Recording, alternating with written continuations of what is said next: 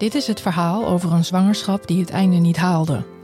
Over wat er gebeurt als je baby zo vroeg wordt geboren dat ze zonder hulp van artsen niet zal overleven. Het gaat over de baby's die vechten voor hun leven en over de ouders die zich staande moeten houden in alle emoties. Over verwachtingen die niet uitkomen en over de periode erna. Podcast Prematuur gaat over de helden van het eerste uur. Ik ben Vanessa. Welkom bij Podcast Prematuur.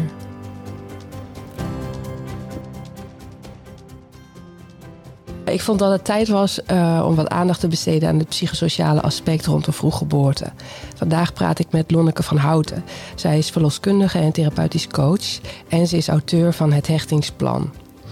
En daarnaast heeft ze een interessant project op poten gezet binnen het kraamzorgbureau waarvoor ze werkzaam is waarin cliënten, dus vrouwen met hun partners, drie gratis coachingsgesprekken krijgen. En hier wil ik het vandaag met haar over hebben.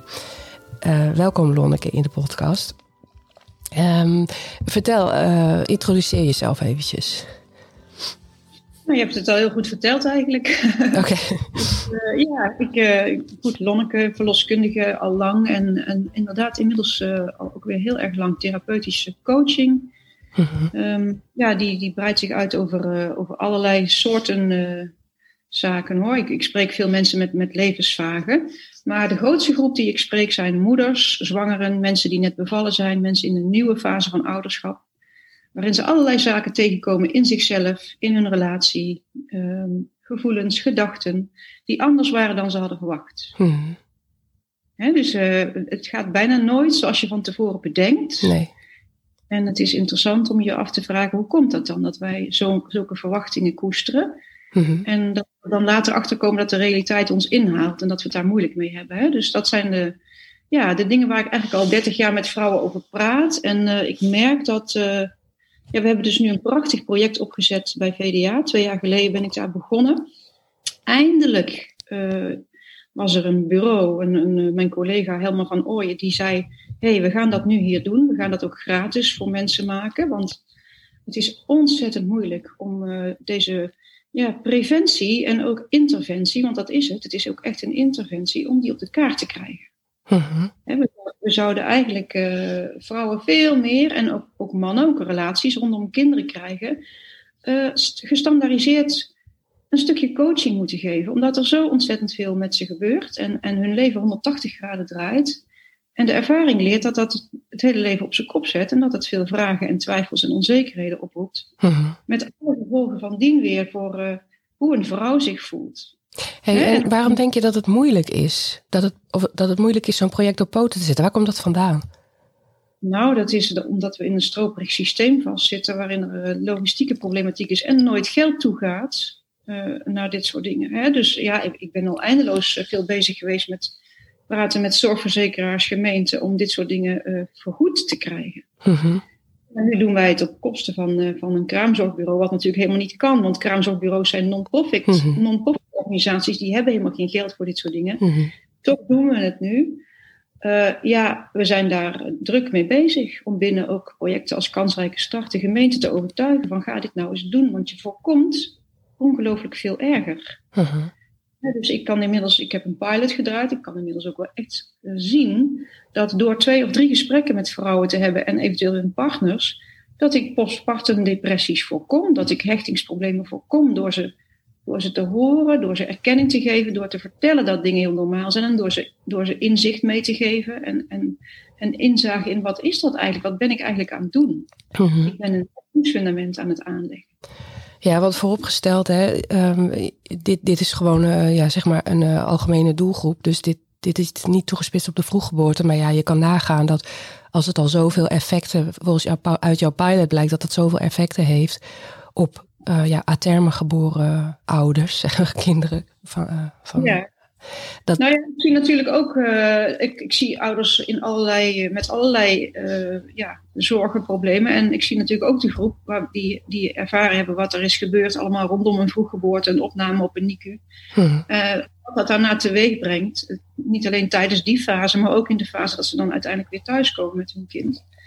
Hè? En dat, ja, dat is eigenlijk alleen maar nog een extra, ja, een, laten we zeggen, het is een extra risicofactor voor problemen daarna, emotionele mhm. problemen daarna. Mhm. En daarom is het ook zo belangrijk dat we er iets mee doen. Mhm. Want hoe heb je dat ook kunnen, kunnen peilen, zeggen, meten uit, uit het onderzoek? Ja, dat is een kwestie van het. Ja, dat is een goede vraag. Hè. We zitten daar nog middenin. Ik heb nu twee jaar gedraaid. En ja, wat ik heb gedaan is natuurlijk gewoon data verzameld. Hè. Dus wat voor mensen komen, met welke indicaties, met welke hulpvragen. Uh, hoeveelste kindjes zijn dat dan? Hoe is de situatie? In welke fase van uh, ja, ouderschap of ouders worden komen ze? Uh, hoeveel gesprekken zijn er nodig geweest? Hoeveel mensen verwijs ik uiteindelijk naar, naar tweede lijn of naar huisarts of naar ja, dingen als baby extra? die, die heel erg mooie, prachtige zorg leveren, leveren in, de, in, de, in de hechtingsfase. dus ik, ik hou dat precies bij. Uh, mensen krijgen ook altijd een evaluatie toegestuurd. We weten wat de effecten daarvan zijn en of ze voldoende weer tools hebben ontwikkeld om zelf op een gezonde manier verder te kunnen gaan. Mhm. Dus dat is wat we aan het doen zijn. Hmm. Natuurlijk wordt het interessant om dat ook op langere termijn te gaan evalueren. Maar het is heel moeilijk om dit soort dingen te evalueren, kwalitatief gezien. Hè? Want je kan namelijk nooit bewijzen hmm. dat je een postpartum depressie voorkomen Precies, want je weet niet wat als. Ja. Hmm. ja, ja. Maar ik ben er zeker van dat het zo is. Dat we met een kleine interventie dat uh, op, op grote schaal voorkomen. Maar bewijs het maar eens. Hè? Dus hetzelfde als met hechtingsproblematiek. Ik kan nooit bewijzen dat, dat we hechtingsproblematiek voorkomen toch weet ik 100% zeker dat door al deze gesprekken die ik heb, heel veel mensen doordrongen worden van wat is hechting? Wat ben ik voor belangrijks aan het doen? Hoe kan ik daar vorm aan geven? En hoe kan ik me daar beter over voelen? Mhm. Want, ja, het is bewustmakend, hè? Het gaat om bewust, bewustwording uiteindelijk. Wat kan je zo eens een voorbeeld geven van, uh, van, van, het zijn voornamelijk vrouwen, begrijp ik uit je verhaal, die toch uh, gebruik maken van die coachingsgesprekken. En wat zijn nou de meest voorkomende dingen waar vrouwen toch tegenaan lopen? Nou, het zijn de vrouwen die in eerste instantie komen. En heel vaak vraag ik dan een tweede of een derde keer de partner mee. Omdat het belangrijk is dat ze samen inzicht verwerken en, en, en bewustzijn ontwikkelen natuurlijk. Uh, maar ja, goed, ik, er zijn een heel aantal zaken waar vrouwen mee komen. Uh, met stip op één ja. staat uh, perfectionisme en controlebehoeften. Mm dus heel veel vrouwen van deze tijd, en dan heb ik het niet alleen over Nederlandse vrouwen, maar vrouwen van alle culturen, ook experts zie ik heel veel, hmm. Uh, worstelen met, met vormen van perfection, perfectionisme en ook controlebehoeften. Ze vinden het heel moeilijk om het leven uh, in, in de flow te volgen. En dat heeft te maken met alle ongelooflijke ja, hoge verwachtingen die er liggen. Hmm. Van hoe zal het zijn? En ja, er zijn allerlei zaken van op, op invloed. Van, van invloed op, op, waarom hebben we zulke hoge verwachtingen van het ouderschap? Waarom hebben we zo'n romantisch plaatje bij zaken en waarom vallen dingen dan zo tegen? Hmm. dus ja, dingen die bijvoorbeeld bij vroeggeboorte heel erg uh, op, opgeroepen worden bij vrouwen is: het loopt anders als verwacht. Waarom overkomt mij dit? En uh, ja, waarom heeft niemand mij hierop voorbereid? Ik had me voorbereid op een leuke roze kraamtijd met cadeautjes en en een, en een baby die blakend in de, in de wieg uh, ligt. Uh, snap je? Mm uh, dus ja, vroeggeboorte gooit het perfecte plaatje in de war. En het gekke is dat daar allerlei overtuigingen over zichzelf op, op boven komen. dus, dus een van de dingen die, die ook heel erg hoog op de lijst staan van indicatie is een laag zelfbeeld. Veel vrouwen zijn onzeker over zichzelf, hebben daar al een hele geschiedenis in en vervolgens gaan ze, gaan ze moeder worden. En dan gaat de deksel van de doos en komen al die zaken rondom een laag zelfbeeld, die komen boven. Ik ben geen goede moeder. Mijn lichaam heeft het niet goed gedaan. Waarom werd mijn kind bij 28 weken geboren? Het is vast mijn schuld. Uh, wat heb ik fout gedaan? Uh, nu gaat alles mis. En uh, wat, ja, iedereen vindt daar maar iets van. Iedereen vindt iets van mijn kind. Ik kan niet eens zelf moeder zijn. Iedereen is met mijn kind bezig en ik kan niks meer doen. Al die gevoelens. Mhm. Die allemaal een, een cascade aan, aan emoties oproepen. Mhm. Ja. En zullen we naar uh, twee, stip op twee gaan? ja. Uh, ja, nou ja, laag zelfbeeld met stip op twee. En, uh, en ook stress. Stress en, en opstartproblemen rondom ouderschap. Mhm. Dus het blijkt dat vrouwen heel veel stress ervaren. En ik ben er ook achter gekomen dat ja, dat niet in de laatste plaats te maken heeft met dat ze niet hadden verwacht dat ze zouden reageren zoals ze reageren. en dan heb ik het over uh, dat we in een tijd leven waarin vrouwen super rationeel grootgebracht zijn. Hè. We hebben allemaal goed stil hersenen, we, we zijn gewend om, uh, om, om alles te beredeneren, om onder controle te hebben, uh, de ballen in de lucht te houden, deadlines te behalen. En op het moment dat je zwanger wordt, dat je moeder wordt, word je een stuk kwetsbaarder en gaan er allerlei gevoelens en ook ja, instinctieve reacties een rol spelen. Ja, wat het gekke is, is dat ik noem dat altijd um, de confrontatie met je biologisch evolutionaire gedrag. Dus op het moment dat een vrouw, ook al is het een vrouw van deze tijd, die perfectionistisch en controlebehoeftig is en alles op een rij heeft, zwanger wordt en een kindje gaat krijgen, 9 van de 10 vrouwen ervaart dan in eerste instantie dat ze eigenlijk reageert als een soort leeuwin in het wild, mhm. als een zoogdier. En vervolgens schrikken ze heel erg van zichzelf, want er gaat ook een soort van waakzaamheid, die wordt, die wordt heel erg geactiveerd. dus ze zijn heel erg ongerust over heel veel zaken, zien overal beren op de weg en zijn de hele dag alert. Vervolgens komen ze in zo'n gevoel van, jeetje, ik kan niet ontspannen. De partner reageert daar ook op, of de omgeving en, en de omgeving met, goh, waarom kan je niet ontspannen? Alles gaat toch goed? relax nou eens en maak je niet zoveel zorgen. En zit er niet zo bovenop. Als ik die baby aan het verzorgen ben, laat mij het dan doen zoals ik het wil. En, en, en, kijk er niet voortdurend naar, naar alle details. En, maar vrouwen worden gedreven door hun biologisch evolutionaire gedrag. Dat wil zeggen, dat gedrag staat eigenlijk helemaal in het kader van de overleving van de soort. Dus onze biologie werkt zo dat als wij bevallen zijn, dat we een waakzaam zoogdier worden, wat alert is en de hele dag gefocust is op gevaar. Vervolgens gaan we ons heel veel zorgen maken. Nou weet je, als je nou van jezelf uh, gaat denken, er is iets mis met mij, iedereen om me heen zegt ook dat ik het niet goed doe, ik moet ontspannen, dan ga je heel slecht voelen over jezelf. Terwijl als je gaat leren, onder andere bijvoorbeeld bij een coach, dat dit gedrag eigenlijk prachtig is en dat het eigenlijk fantastisch werkt, alleen dat je het niet kent en dat je er geen inzicht in hebt, omdat je het tot nu toe nog nooit zo ervaren hebt. En dat ook jouw partner en jouw omgeving het nog niet zo goed begrijpt. Maar dat er in wezen niks mis mee is, dat je prachtig reageert. Mm dit is iets wat je bijvoorbeeld, na, als je even de terugkoppeling maakt naar vroeggeboorte, ook heel erg sterk ziet als kindjes thuiskomen uit het ziekenhuis. in eerste instantie heb je dus die waakzaamheid kunnen delen met alle mensen, personeel op de afdeling. Hmm. En je hebt daar ook niet echt uh, nog kunnen ervaren dat het echt jouw kind is, waar jij de leeuwin voor zal zijn. Hmm. Om te zorgen dat het kind het gaat redden. Nee, er waren heel veel mensen omheen die bezig waren met de zorg dat jouw kind het goed zou doen. Vervolgens kom je thuis en ineens komt die waakzaamheid boven en ervaar je dat dat, dat instinctieve gedrag eigenlijk heel erg leidend is. Vrouwen schrikken daarvan. Ja, daarom zeg ik ook altijd, het is zo belangrijk dat je vrouwen vanaf, en vrouwen en mannen, vanaf het eerste moment dat een kind op de NICU arriveert, meteen in de rol van ouder zet. Ja. Mhm. dus, dus, dus, dus, je niet gaat gedragen als de, degene die alles weet en die zal zorgen dat het goed komt, maar die meteen die ouder in die rol zet, bij alles te betrekken, het kind voortdurend aan te raken als er interventies gedaan moeten worden. Waardoor ze meteen voelen, hé, hey, ik doe er hier toe. Ik mhm. ben degene die mijn kind moet gaan behoeden.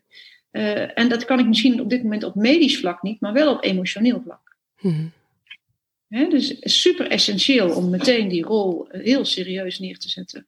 Mm En dus ook een stapje opzij te doen als, als zorgverlener. Heel, heel bescheiden te zijn, je inzet en expertise in te brengen, maar verder super bescheiden te zijn in wat je daar uh, te doen hebt. Dus in die zin denk jij ook dat er nog een hele grote inhaalslag te, te, te maken valt?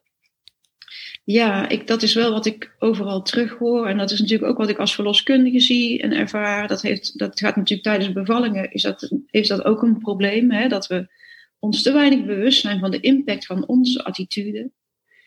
En, en ja, in die zin, vrouwen mogen nog veel meer zichzelf uh, gaan ervaren als een gezond, instinctief reagerend wezen. En wij als zorgverleners mogen daarbij ondersteunen. En maar dan moet je wel eerst bewustzijn hebben over het feit dat het zo werkt. Hmm. En ik merk dat, ik schrik er nog altijd van, dat bijna alle mensen die ik spreek, ook zorgverleners, niet weten van deze achtergrond. En zich daar nooit mee bezighouden. Dus hoe kunnen ze dan weten hoe ze die rol kunnen vervullen als hulpverlener aan de zijlijn? Hè? Hmm. Ja, ik denk dat daar nog. Ik, ik geloof dat er ook heel veel goed werk gebeurt hè, op NICU's. Hè. Begrijp me niet verkeerd. Ik denk echt dat er superveel mensen hartstikke veel mooi werk doen in de begeleiding naar ouders. Maar een van de grote stappen die we moeten maken is dat we ja, heel erg vanuit, uh, vanuit een bescheiden rol die ouders naar voren moeten duwen als de ouder van deze baby. Hmm. Ja. En ze, ja, dus ik hoor heel vaak, ja, het voelt niet als mijn kind. Mhm. Ja, en hoe langer een kind daar ligt, hoe meer verlies je daarin leidt natuurlijk. Hè? Je, je verliest tijd in die hechtingsfase. Mhm. Ja, het kind wordt natuurlijk ook direct weggehaald eh, na de geboorte. En ehm, ik heb er zelf wel eens wat over gezegd. Ja, soms krijgen ze nog de kans om eventjes een paar minuten het kind op de buik te hebben. Hangt natuurlijk van de termijn en de, en de condities af. Mhm. Ja, maar daar wordt ook heel verschillend mee omgegaan. Hè? Per, niet alleen per ziekenhuis, maar gewoon per chirurg, per specialist. Dus dat is zo ontzettend random. Dus het is maar dat je mazzel hebt als je even dat eerste contact mag ervaren. En, en het kind zelf ook natuurlijk. Maar, nou, uh, dat. Hè? En dat is ook zoiets wat ik altijd zeg. Als je dan inderdaad een slacht hebt waarbij dat niet mogelijk is. Dat kan natuurlijk gebeuren, hè, dat eerst de veiligheid gewaarborgd moet. En dat is ook natuurlijk belangrijk.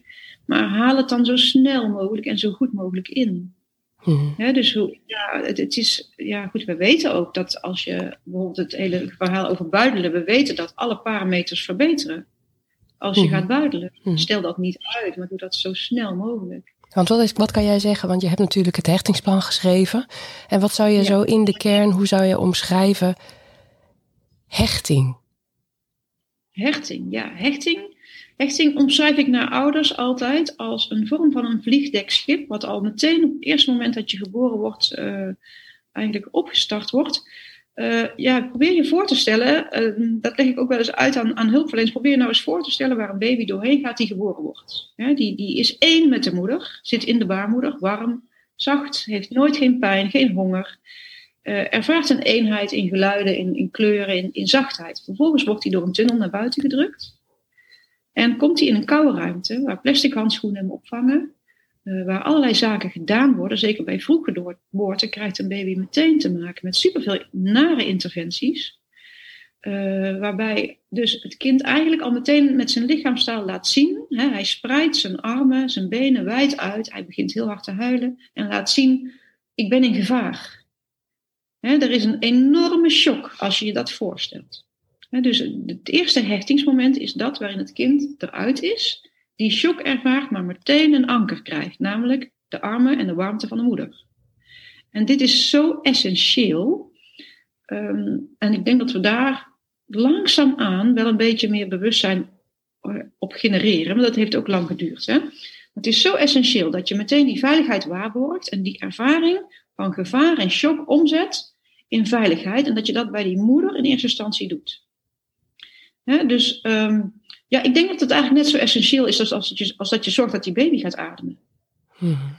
vervolgens start die hechtingsfase onmiddellijk doordat dat anker via lichaamscontact, geur, veiligheid, etc. opgestart wordt. Uh, met ook de vader, hè, de partner. Uh, dat je het kind na een uur ook bij die vader of die partner op de borst gaat leggen. En dat je als hulpverleners zo weinig mogelijk doet. Alleen maar dat wat hoogst noodzakelijk is.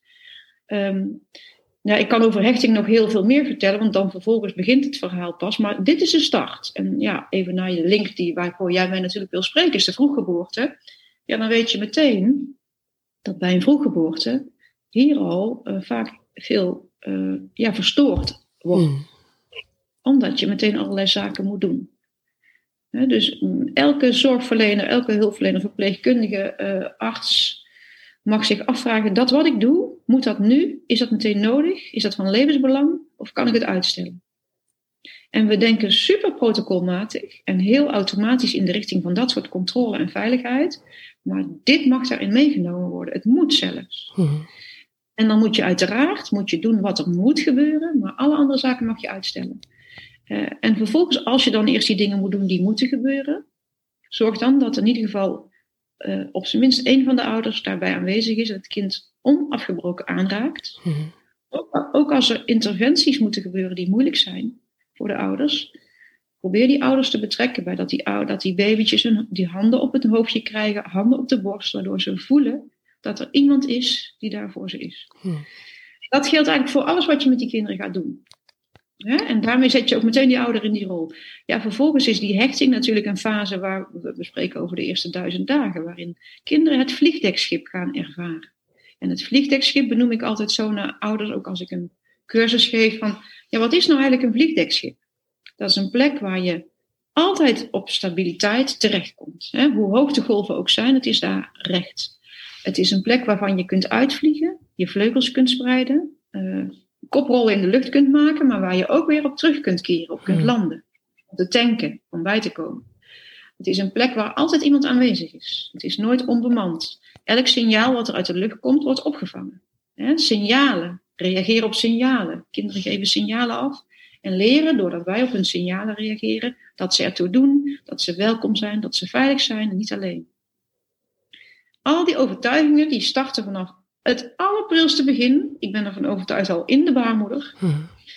Uh, maar daarna in, in, in vliegende vaart vooruit. Ja, ik heb ook mensen begeleid in mijn praktijk die zelf te vroeg geboren waren. Hmm. En die hechtingsproblematiek hadden. Hmm. Dus die, uh, ik, heb, ik heb iemand begeleid die bij 30 weken geboren was, al lange tijd geleden. Uh, toen waren natuurlijk de condities nog een stuk minder als nu. Ook al vind ik dat er nog steeds heel veel verbeterd moet worden. Maar in die tijd werd kindjes nog helemaal alleen in de couveuse gelegd. Buidelijk kenden we nog niet en er was veel licht. Kinderen lagen bloot, open en bloot. Soms vastgesnoerd met hun armen wijd. Jezus. Ja, het was echt uh, die tijd. Hè? Dus, oh, ik kan nog veel meer vertellen over de geschiedenis uh, van hoe we met baby's omgegaan zijn. Omdat we het niet wisten. Hè? Onbewustheid. Ging hmm. waar je wil. We dachten dat we het goed deden. Hmm. Maar goed, uh, de mensen die ik daarover spreek, die dit hebben meegemaakt, worstelen eigenlijk hun hele leven lang met allerlei vormen van problematiek rondom vertrouwen, autonomie en verbinding, relatieproblematiek, intimiteit. dus dat zijn, dat zijn thema's, thematieken die blijven spelen. Mhm. Dat weten we inmiddels. daar zijn we met de psychologie eh, ver genoeg in ontwaakt. Dat we weten dat die grondvesten in ons geslagen worden, dat die bepalend zijn voor hoe de rest van ons leven loopt. Zo, um, wat jij zegt net, van, uh, ik denk dat het zover teruggaat als uh, dat het kindje nog in de buik zat zelfs. Hè? En ja. um, nou heb ik gisteren iets heel bijzonders gedaan. Ik heb een uh, nijsessie gedaan van een nijtherapeut. Ik weet niet of jij nijtherapie kent. Ja, ken ja. Nou, ik had um, Lisette in, in de aflevering laatst. En uh, nou ja, als dank voor, daarvoor uh, wilde ze mij een sessie aanbieden. Nou, ik schrijf ook over mezelf. Ik ben een nieuwsgierige scepticus. Maar ik denk, ik ga dat doen. Want mijn zoontje is met 24 weken geboren. Hè? En um, nou ja, de nodige, met de nodige gevolgen.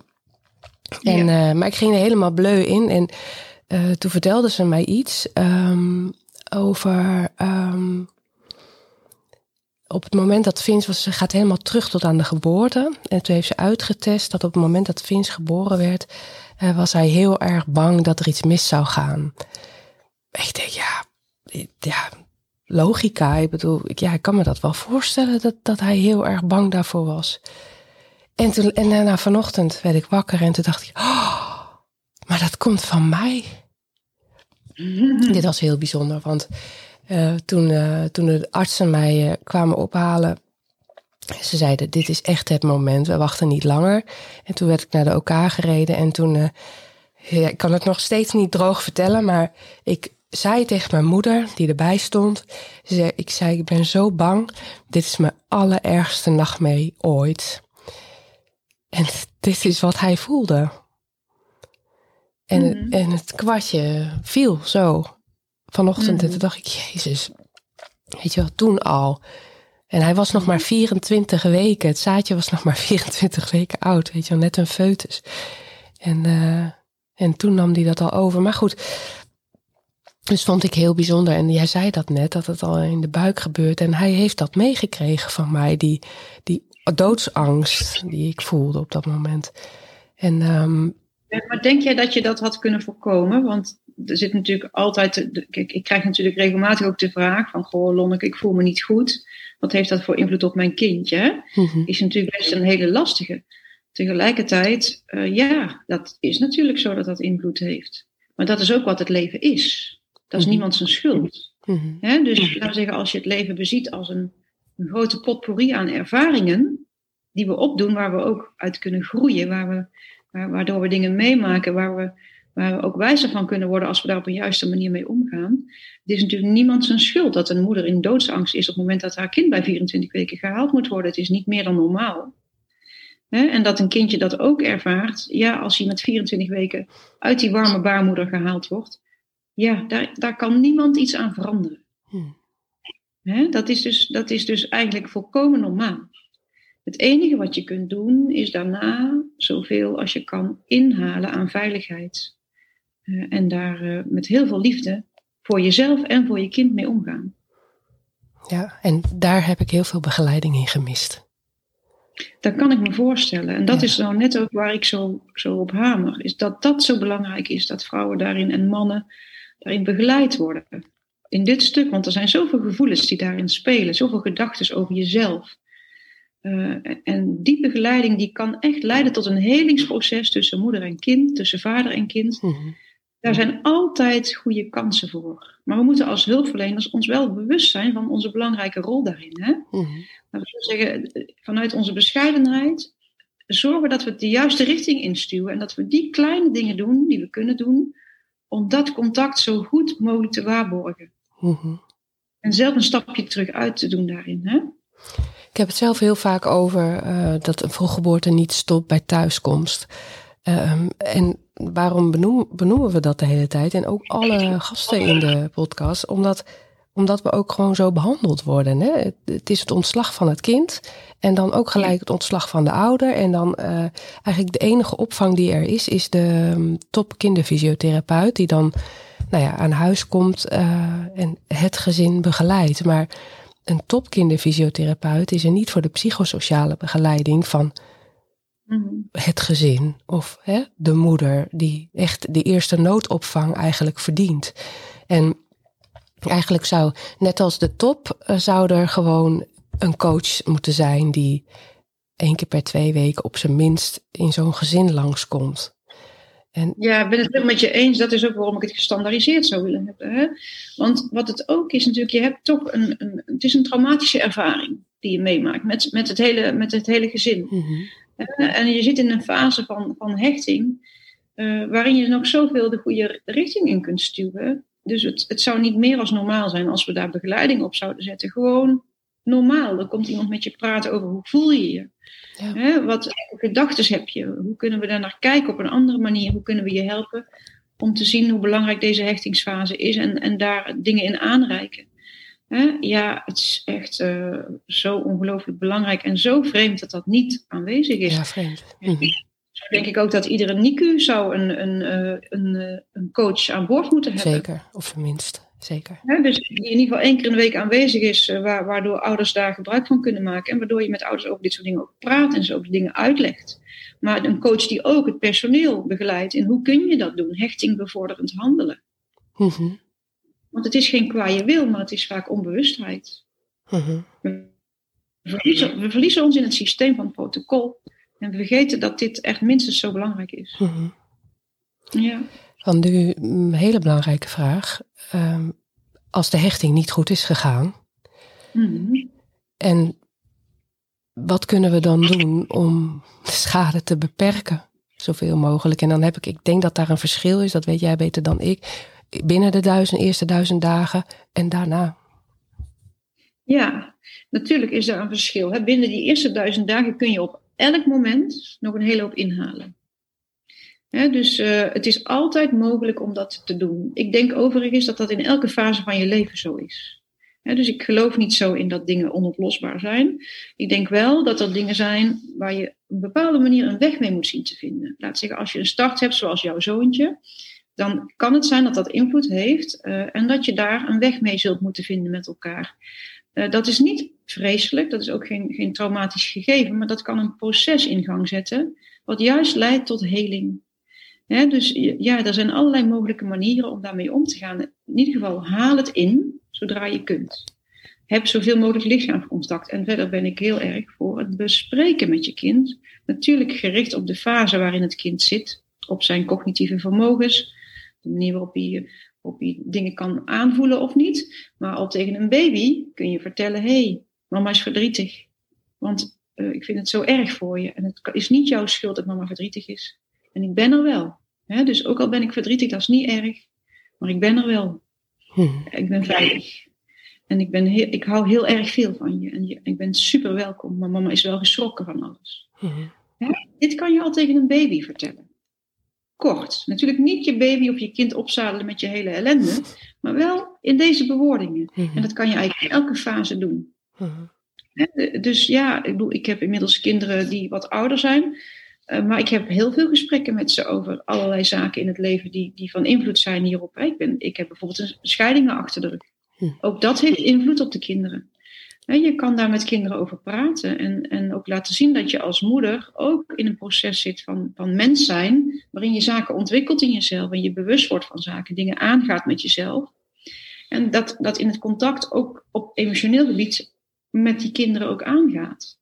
Mhm. dus, en ja, dat kan altijd. Gewoon altijd. Mhm. Praat met elkaar over die eerste, over die eerste fase. Hè. Begin met, met, met elkaar herinneringen op te halen over, goh, ga vertellen aan je kind hoe het was. Uh, hoe het was, wat je voelde, wat je gezien hebt. Uh, daarom adviseer ik vrouwen ook altijd, start meteen een dagboek. Mhm. Ga schrijven wat je voelt, wat je ervaart. Je hoeft daar niet censurerend in te zijn. Want de kinderen hebben altijd interesse in de geschiedenis van hun ouders. Mm Klopt. Uiteindelijk. Hè? Mhm. Is dat niet nu, dan is dat wel later als ze zelf kinderen gaan krijgen. Mhm. Ja, ja daar, en, en, natuurlijk heb je ook gewoon, gewoon therapeuten die kunnen helpen bij hechtingsproblematiek. Hè? Zo is het ook gewoon. Dus ik geloof dat daar altijd werk te doen is. Altijd. Altijd mogelijkheden zijn. En wat voor therapie uh, ben jij voorstander van? Eh, geloof je in EMDR bij kleine kinderen? Of heb ja, dat kan niet zo thuis? Kijk, EMDR is een fantastisch middel, eh, maar uh, ik, ik, ik, denk veel, ik, denk, ik voel veel breder ook. Weet je, een mens is, bestaat uit zoveel laagjes. Een EMDR is een prachtig uitgevonden middel op echt traumatische gebeurtenissen. Maar als ik hoor dat sommige mensen in therapie zijn ergens en dan sessies achter elkaar EMDR krijgen gedurende maanden, dan denk ik, er gaat iets niet goed. Nee. Mm ja, want EMDR zou eigenlijk in een aantal korte sessies gewoon effectief moeten zijn. Mhm. En anders sla je een hoofdstuk over. Wat ook heel erg belangrijk is bij EMDR, is dat je het, het initiële trauma oppakt. Dus dat je niet begint bij de laag van nu, maar helemaal teruggaat naar waar het ooit begonnen was. En mhm. dat vergeten de therapeuten. Dus ja, uh, daar is nog veel aan te sleutelen. Maar het is een, het is een methode. Maar veel meer is uh, voor mij in ieder geval om te gaan kijken welke laagjes spelen hier allemaal mee. Uh, wel, niet alleen van wat hebben deze ouders en dit kindje meegemaakt, maar ook welke thematieken zitten daaronder? Waar ontmoeten wij elkaar in als ouder en kind? In welke thematiek van de generaties? Uh, epigenetica.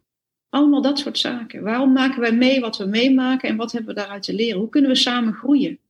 Doordat we dit ervaren met elkaar. Mm dat, dat is niet met een kunstje zomaar eventjes uh, op te lossen. Mhm. Maar dan kan je wel het, ja, bepaalde stukken traumatiek mee weghalen met EMDR, mhm. zeker.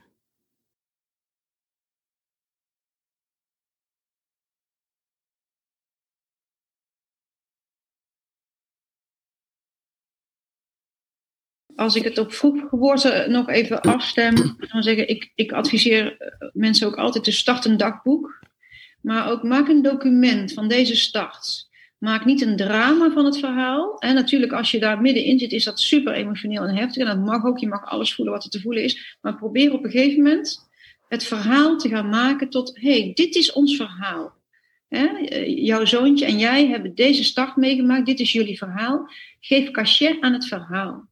Met alle ins en outs. Het is namelijk hoe dan ook altijd een bijzondere ervaring waar je veel mee kunt. dus dat is een van de dingen die ik probeer aan ouders mee te geven. Daarnaast voor zorgverleners natuurlijk superbelangrijk. Zet die ouders op de eerste plek in de regie naar hun kind. Meteen in de rol, jij bent de moeder. Jij bepaalt, wij zijn ondersteunend en we zullen helpen om dit kind zo goed mogelijk op de rails te krijgen. We hebben jou nodig in deze emotionele ontwikkeling van deze baby. Want anders uh, dan, dan, dan missen we stukken die, die nu heel erg uh, helpen bij de bevordering van zijn herstel. En dan hebben we dus het vooral over de verpleegkundigen, hè?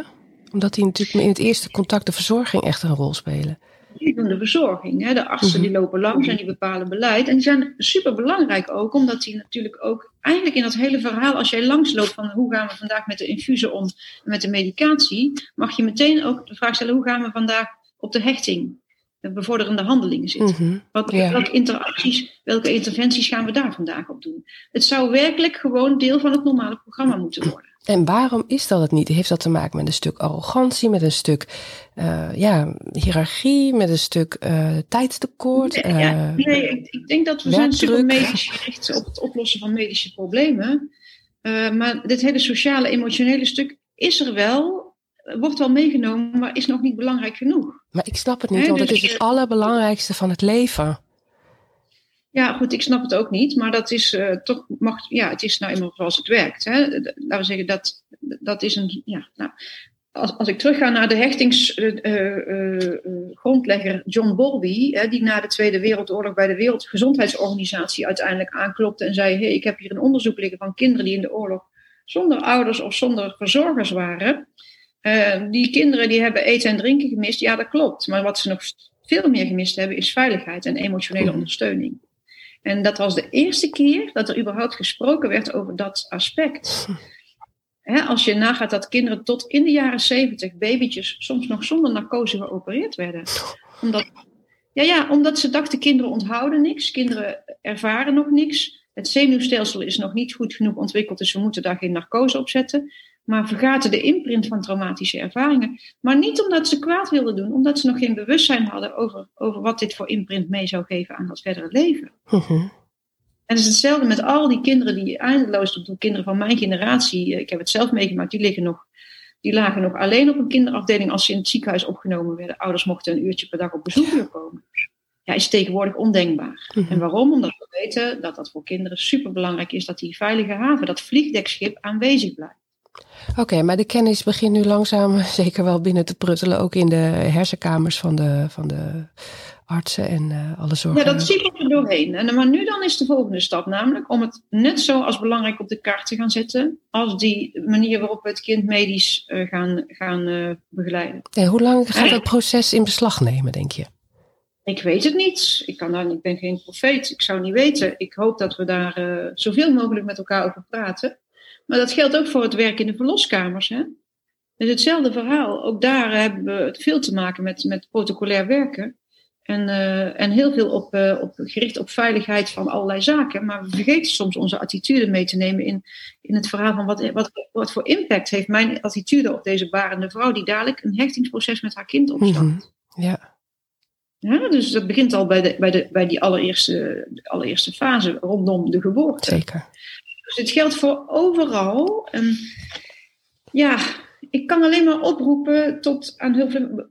Ga het aan. Blijf niet in je oude comfortzone, maar ga het aan met jezelf en kijk, oké, hoe kan ik mijn bewustzijn verhogen op dat gebied in mijn attitude, in hoe ik ben naar ouders, naar baby's, naar kinderen, in die complete fase van, van een start van een mensenleven. En hoe kan ik daar als een, als een bewustzijn in aanwezig zijn? Niet als een ego of niet als een, als een iemand die compleet gericht is op protocol en alleen maar de regeltjes van het ziekenhuis volgt, maar ook voor de andere 50% gericht op een, een goede hechtingstart met een sociaal-emotionele basis, mhm. vertrouwensbasis. Mhm. Waarbij ik ruimte maak voor het proces tussen die ouders en het kind en mezelf bescheiden opstel en doe wat ik kan doen om dat te bevorderen. Ja, ja, hier, hier zit voor mij de toekomst. Maar ja, ik ben nog wel een eenzame eh, strijder in de woestijn hoor. Want uh, het is, uh, er zijn nog steeds veel mensen die me als, als wazig en, uh, en, en zweverig wegzetten. Terwijl voor mij is het gewoon essentieel. Hmm. Is dit een grote organisatie, VDA? VDA is een kraamzorgbureau in Eindhoven, de grootste van, van Eindhoven en omstreken, ja. Maar ja, het is ook een kraamzorgorganisatie met beperkte mogelijkheden. Hè? Dus Um, ja, ik wil nu, ik ben op allerlei manieren aan het proberen contacten te leggen met mensen om te kijken of wij hier in ieder geval in deze regio waar ik werk, deze vorm van coaching kunnen gaan standaardiseren. maar zo zou ik ook best graag contacten met NICU's willen leggen om te kijken of daar geen werk te verrichten valt. Maar ja, ik kan het allemaal niet in mijn eentje natuurlijk. Hè? Dus uh, nou, er zijn natuurlijk hartstikke veel mensen die hiermee bezig zijn. Hè? En, en op een goede manier ook. Soms slaat het ook een beetje door. Het is voor mij altijd belangrijk om een middenweg te vinden want ja, ik, ben ook reëel. Weet je, als je bij een bevalling staat en, en, een kind wordt geboren en ademt niet, dan moeten we eerst zorgen dat hij gaat ademen. Ja. dus uh, ja, er is een, en, als we oxytocine nodig hebben, chemisch, omdat het nodig is, dan is het fijn dat het bestaat. En nou zo zeggen, er is een middenweg voor mij, waarin je niet naar het ene of het andere uiterste doorslaat met, met allerlei dingen roepen die wel of niet goed zijn. Mhm. Dus, uh, maar goed, ja, uh, laten we zeggen, het begeleiden van jonge ouders, zwanger, rondom zwangerschap, bevalling en de eerste tijd ouderschap, wat hun ook overkomt, is ten alle tijden uh, echt ontzettend verrijkend voor de situatie waar iedereen in zit. Mhm. En, en zou echt, uh, ja, ik, ik, begrijp niet dat onze politiek en onze gemeentes dat niet zien. En dat je daar niet, dat je niet begrijpt dat je daarmee ongelooflijk veel hechtingsproblemen, relatieproblemen, uh, postnataal, postpartum depressies, moeilijkheden in voorkomt. Nou, dat staat voor mij echt als een paal boven water. Hm. Ja. Dankjewel voor dit gesprek. Ja, graag gedaan. Uit Lonnekes onderzoek blijkt dat coachingsbegeleiding van nieuwbakken ouders hechtingsproblemen voorkomen. Niet zo gek, een kind zet je leven op zijn kop. Je wordt emotioneel getriggerd tot een moedertijger die zijn kind wil beschermen. En de maatschappij vindt dat raar, want de tijd van jagen en verzamelen is al lang voorbij. Alleen psychologisch gezien dus niet. En in onze social media cultuur zou alles perfect moeten zijn, toch? Geen ruimte voor onzekerheid. Onzeker zijn is één ding. Getraumatiseerd door reanimaties, beademingsbuizen, prikjes, infusies, alarmen, artsen en verpleegkundigen, dat is een stap verder. Die onnatuurlijke start van je kindje staat in de weg aan een gezonde hechting, klein of groot, linksom of rechtsom. Hoe kan je er volledig zijn voor je kindje als je eigenlijk zelf hulp nodig hebt? Juist na de start op een NICU verdienen kind en ouders extra aandacht. Die aandacht moet er komen. Onafhankelijke coaches op de NICU, een coach bij thuiskomst. Kinderen zijn de belangrijkste mensen op aarde. Ook die van een ander. Podcast Prematuur over de helden van het eerste uur. Gemaakt door mijn mama. Ik vind het een eer dat je hebt geluisterd naar deze aflevering. Dank je wel daarvoor. Ik maak de podcast graag, want ik geloof dat het voor ouders een stuk herkenning biedt en daarom troost. En het biedt de zorgprofessional een stuk inleving en empathie. Zoals je misschien wel weet, maken we ook prematuurpopjes. Die zijn heel waardevol voor familie en vrienden en voor het kindje zelf. Ik kijk elke dag naar het popje van Vince, gewoon omdat ik nooit wil vergeten waar hij vandaan komt. Hij ligt bij ons op de overloop, in een mandje. En ik moet zeggen dat het elke dag steeds bizarder lijkt hoe klein Vince het leven startte. De podcast maken kost alleen wel veel tijd en geld. Daarom heb ik het mogelijk gemaakt om te doneren. Dat kan al vanaf 3 euro. Vind jij de podcast waardevol en kan jij iets kwijt? Dan kan ik er in ieder geval de kosten mee dekken. Ik zou het enorm waarderen. Alvast dank en ik hoop tot volgende week.